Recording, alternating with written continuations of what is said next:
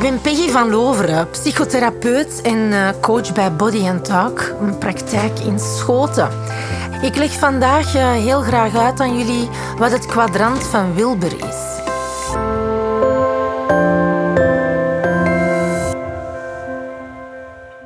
Ken Wilber is eigenlijk een hedendaagse filosoof en die heeft in zijn carrière is erin geslaagd om een model te ontwikkelen, een, een kwadrant, waarin dat hij eigenlijk alle stromingen vanuit de psychologie, alle theorieën, alle theologieën, alle religieën, dat hij alles eigenlijk in een kwadrant heeft ondergebracht, om op die manier eigenlijk een zeer holistische kijk op het leven te geven.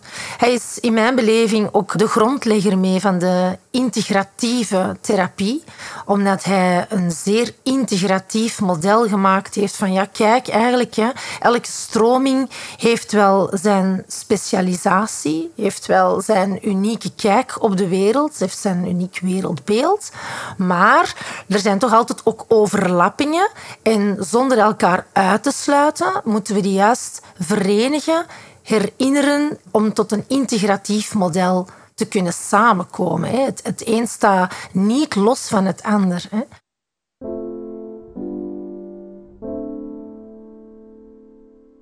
De term holisme uh, ja, komt ook vanuit een hollon. En ik vind dat hij dat zeer goed uitlegt. Hij heeft ook een, een, een, boek, een beknopte geschiedenis van alles, waarin hij probeert zelfs om de spiritualiteit op een wetenschappelijke manier uit te leggen. Dat, vind ik eigenlijk ook, dat is ook subliem gelukt, vind ik. Hè.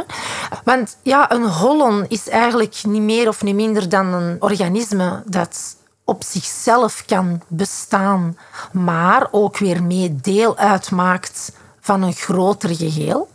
En dus ja, bijvoorbeeld een molecule bestaat uit heel veel atomen. Een atoom is een hollon, dat bestaat op zichzelf, maar heel veel atomen vormen een molecule. Een molecule bestaat op zichzelf, maar heel veel moleculen vormen een organisme. Nu, als het organisme wegvalt, zijn er nog altijd moleculen en atomen. Maar als alle atomen zouden wegvallen, dan zijn er uh, ja, geen moleculen meer en ook geen organismen. Dus dat is iets uh, om over na te denken.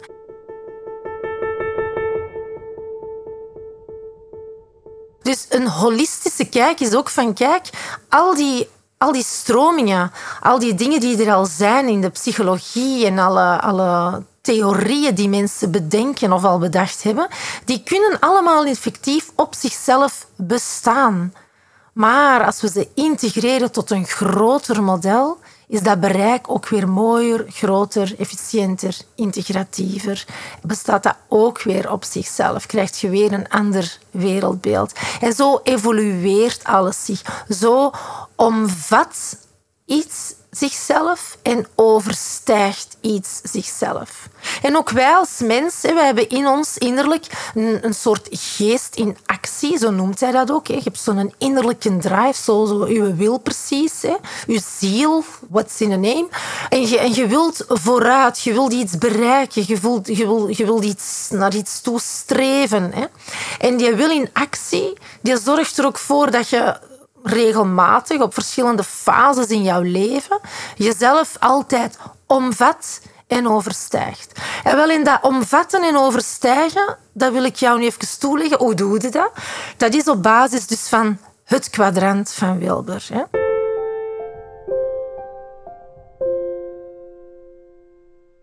En uh, misschien moet je even meetekenen en, en, vind je dat wel fijn om jezelf dat te kunnen visualiseren of dat gewoon te zien.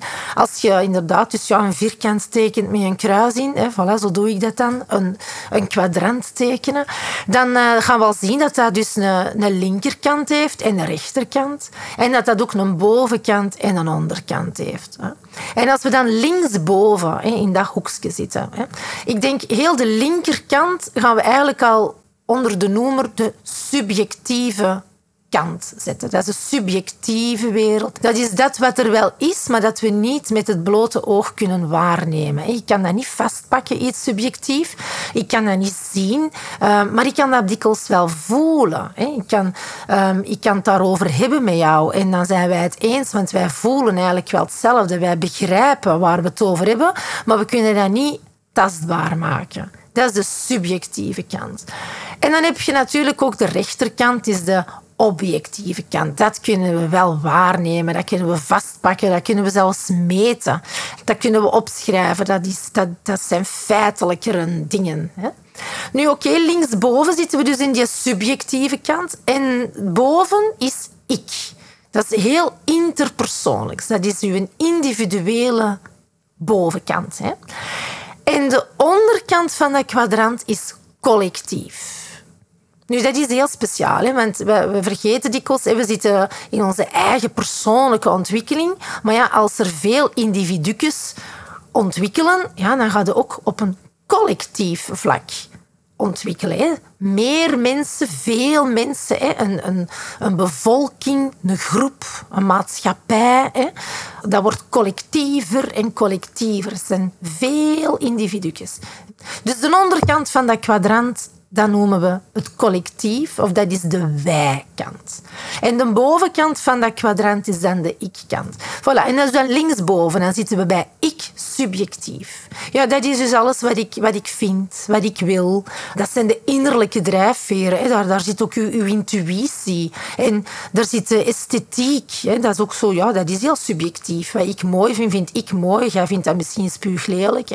Dus dat is eigenlijk uw individuele drijfkracht noem ik dat wel. Zo, het, subjectieve, de, de, de, de kunst. Ehm, maar, maar ook ja, de religie. Hè. Ik geloof. Wat ik geloof, moet jij niet geloven. Hè.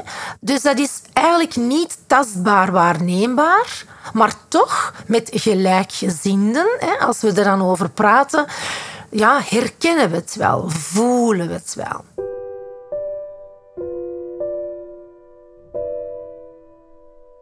Oké, linksonder zitten we dan in de wij-subjectief. Nou, dat is cultuur, dat zijn de verhalen, dat zijn de familiesystemen, dat zijn de wortels, dat zijn de gewoontes, dat zijn de tradities. Hè. Je moet dan altijd denken aan dat, dat moppetje van de, de, de, worstjes in de pan. Hè. Um, een vrouw die had eigenlijk altijd ja, worstjes de uiteindes daarvan afsnijdt. Hè.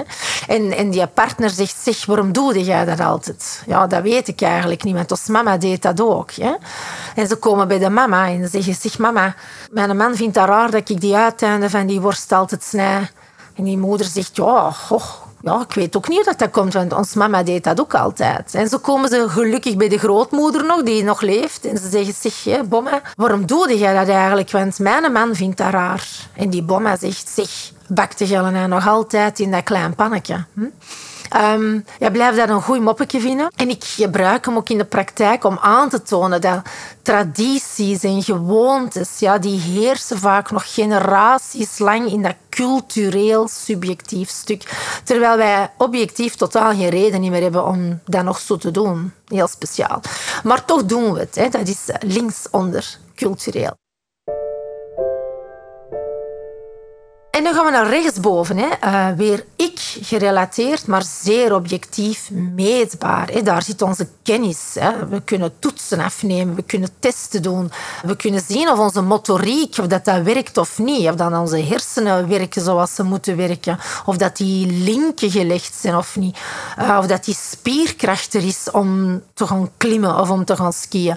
Um, dat zijn allemaal objectief meetbare dingen rond het individu.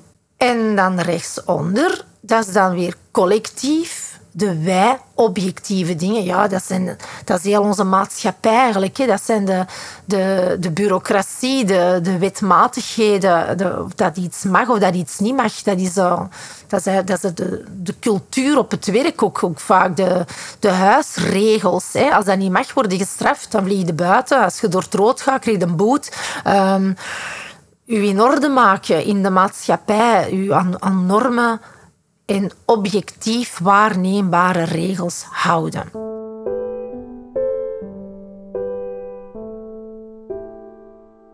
Nu, als je dus weet waar dat die vier kwadranten in het kwadrant voor staan, nu wordt het interessant. Want uzelf omvatten en overstijgen, daarom ben ik erover begonnen. Uzelf omvatten en overstijgen kan enkel en alleen als alle vier die elementen er zijn en mee zijn. Ik maak een voorbeeld weer van een, een, een, een jong kind. Hè. Ehm, een kindje dat linksboven de intrinsieke behoefte krijgt om te gaan stappen. Dat, dat, dat kruipt al een hele tijd rond. Dat ziet eigenlijk die volwassenen van hier naar daar stappen en dat zegt, ik, ik wil dat ook kunnen. Er komt een intrinsieke beweging in dat kind van, uh, ik wil kunnen stappen. Dat is al goed, hè? het wilt al. Um, nu, pas op, hè? dat gaat zomaar niet. Hè? Ook rechtsboven gaat dat kindje inderdaad over de nodige spierkracht moeten beschikken. Als dat al goed gekropen is, dan zullen die beentjes al wel sterk genoeg geworden zijn. Maar dat moet ook motorisch, die linken in die hersenen.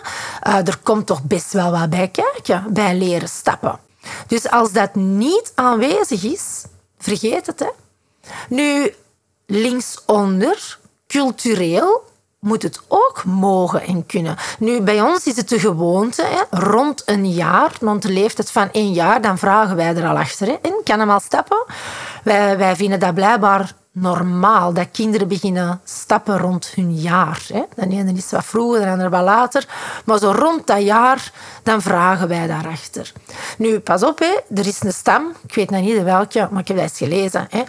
Um, ergens in Afrika, waar ze de kinderen um, op hun rug binden, hè, um, totdat die twee jaar zijn omdat die de heilige grond niet mogen raken hè, vanuit hun geloof. Nu, vergeet het dan, hè, dan kan dat kind onmogelijk rond een jaar, ook al heeft dat goesting om te stappen, het zal niet gaan. Hè. Het zal er geen worden. Hè. Um, dus ja, voilà, linksonder is ook zeer belangrijk hè, dat we cultureel, dat dat, dat dat mag, dat dat normaal is. En dan rechtsonder, heel maatschappelijk gezien, moet dat kind toch wel een aantal mogelijkheden krijgen om te leren stappen. Je hebt ouders nodig die zich daarmee bezighouden, die u dat helpen trainen, die u bij uw handje vastnemen, die u in de mogelijkheid bieden om met je voeten op de grond te staan en dat te oefenen. Want als je heel de dag in een box zit, ja, dan kun je ook niet veel leren stappen. Dus er moeten ook wel wat elementen aangereikt worden hè, om u dat te leren. Maar als het alle vier er is, cognitief kan het, motorisch kan het, je hebt de juiste begeleiding en het is cultureel ook nog eens de normaalste zaak van de wereld. En het kind wil, dan doe je dat.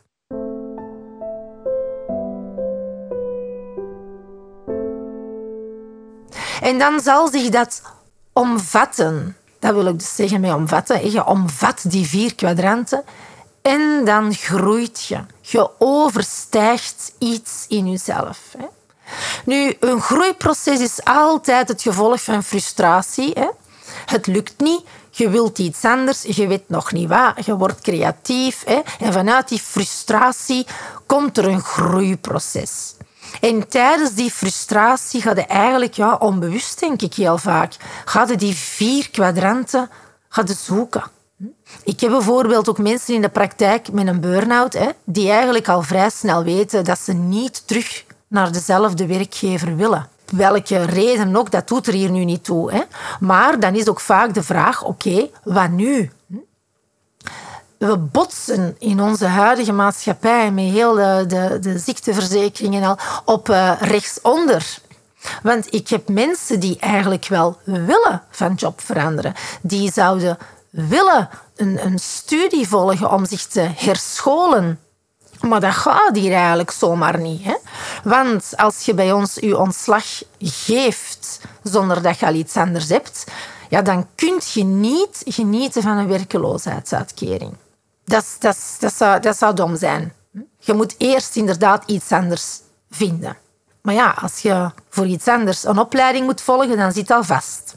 En als je een opleiding wilt gaan volgen via de werkeloosheid, dan kan je zelf ook niet zomaar kiezen wat je wil volgen, want je moet goedkeuring krijgen. Of kiezen voor een knelpuntberoep. Dus het wordt rechtsonder niet altijd mogelijk gemaakt om snel te kunnen schakelen in een bijscholing, een herscholing of een verandering zonder dat mensen hun veilig netwerk willen en kunnen opgeven. Dus ja, dan zit ik dikwijls met cliënten die wel willen en die zelfs fysiek en cognitief wel al kunnen. En die zeker van thuis uit of, of van de familie gezien wel mogen. Maar die maatschappelijk gezien ja, toch heel hard moeten oppassen dat ze niet in hun eigen voet schieten.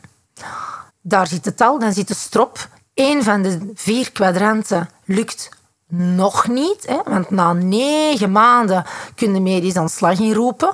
En na één jaar werkeloosheid mag je blijkbaar wel uh, een opleiding naar keuze volgen. Maar ja, dat zijn hiaten, hè, mannetjes. Hè. Om maar een voorbeeld te geven van uh, hoe het kwadrant in de praktijk werkt.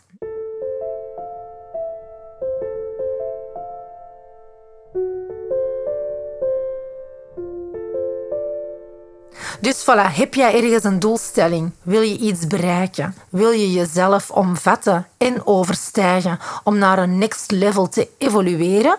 Ga voor jezelf eens na. Kloppen mijn kwadranten? Weet ik wat ik wil?